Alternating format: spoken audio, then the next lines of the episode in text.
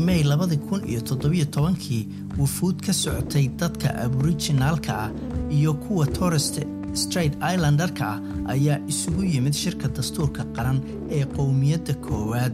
Meel u dhow uluru waxayna qaateen waxa loo yaqaan uluru statement from the heart. Baaqu wuxuu soo jeediyey isbeddel lagu sameeyo dastuurka austareeliya kaas oo ku aqoonsanaya qowmiyadda koowaad ee austareeliya dastuurka iyo hab horu socda oo ku salaysan run cadaalad iyo aaya katalis. Waxaannu isugu nimid shirka dastuurka qaranka labadii kun iyo toddobiyo tobankii annaga oo ka kala nimid dhammaan jahada dhulka koofureed waxaana samaynay bayaankan kaas oo ka yimid qalbigayaga qabiilada aborijinaalka iyo torest straight islandarka ah ayaa ahaa ummaddii ugu horraysay oo qaaradda austareeliya iyo jasiiradaha deriska la'ah yimid waxayna ku yeesheen sida sharcigayagu iyo xeerarkayagu qabaan.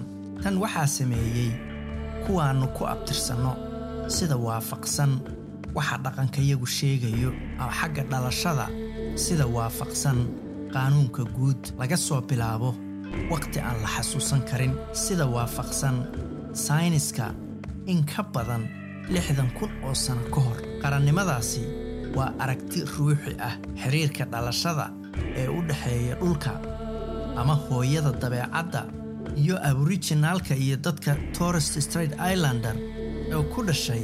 Xiriirkaas ayay weli la leeyihiin dhulka. Maalin uunna ay ku noqon doonaan halkaasi si ay ula midoobaan kuwii aannu ka nimid.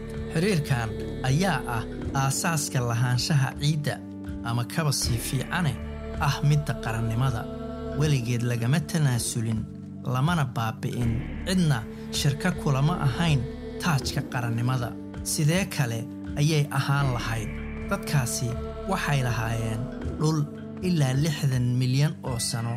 Xiriirkaas si barakaysani wuxuu ka baxay taariikhda adduunka muddo laba boqoloo sano laga joogo.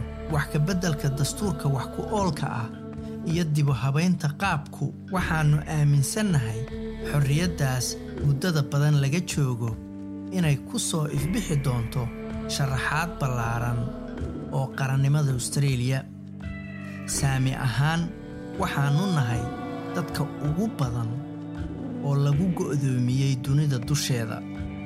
Ma aannu nihin dad dembi u dhashay carruurtayadii ayaa looga qaaday qoysaskoodii si aan la xisaabin karin. Tan ma ay noqon karto sababtoo ah ma aannu jeclayn dhallinyaradeenii waxay ugu baaba'een xabsiyada si aad u foolxun waa inay noqdaan rajadeenna mustaqbalka. Cabbiraaddan qalalaasahayaga ayaa si cad u sheegaya qaabdabeecadeedka dhibaatadayada tani waa ciqaabta awoodyaridayada waxaannu raadinaynaa dib u qaabaynta dastuurka si loo awoodgeliyo dadkayaga ayna uga qaataan boos xalaala waddankayaga markaannu leennahay awood meeshaan ku soconno carruurtayadu waa baraarayaan. Waxay ku socon doonaan laba adduun dhaqankooduna wuxuu ahaan doonaa hadiyadda dalkooda. Waxaannu ku baaqaynaa aasaasidda codka qaranka koowaad oo lagu muujiyey ama lagu xardhay dastuurka.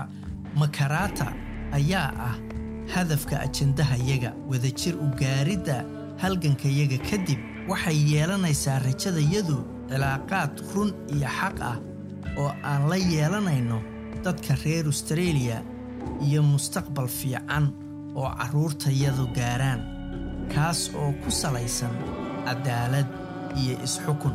Waxaan ka dalbanaynaa guddiga makaraata inuu kormeero habka heshiissamaynta u dhexeeya xukuumadda iyo qowmiyadda koowaad iyo runka sheegidda taariikhdeenna. Sannadkii toddobadii waa nala tiriyey. Sannadkii labadii kun iyo toddobiyo tobankii waxaan dalbannay in nala maqlo. Waxaan ka dhaqaaqnay halkaannu degganayn. Waxaana bilownay socod aan ku dhex marayno waddankan ballaaran waxaannu kugu martiqaadaynaa inaad la socoto dhaqdhaqaaqa dadka austareeliyaanka ah si loo helo mustaqbal fiican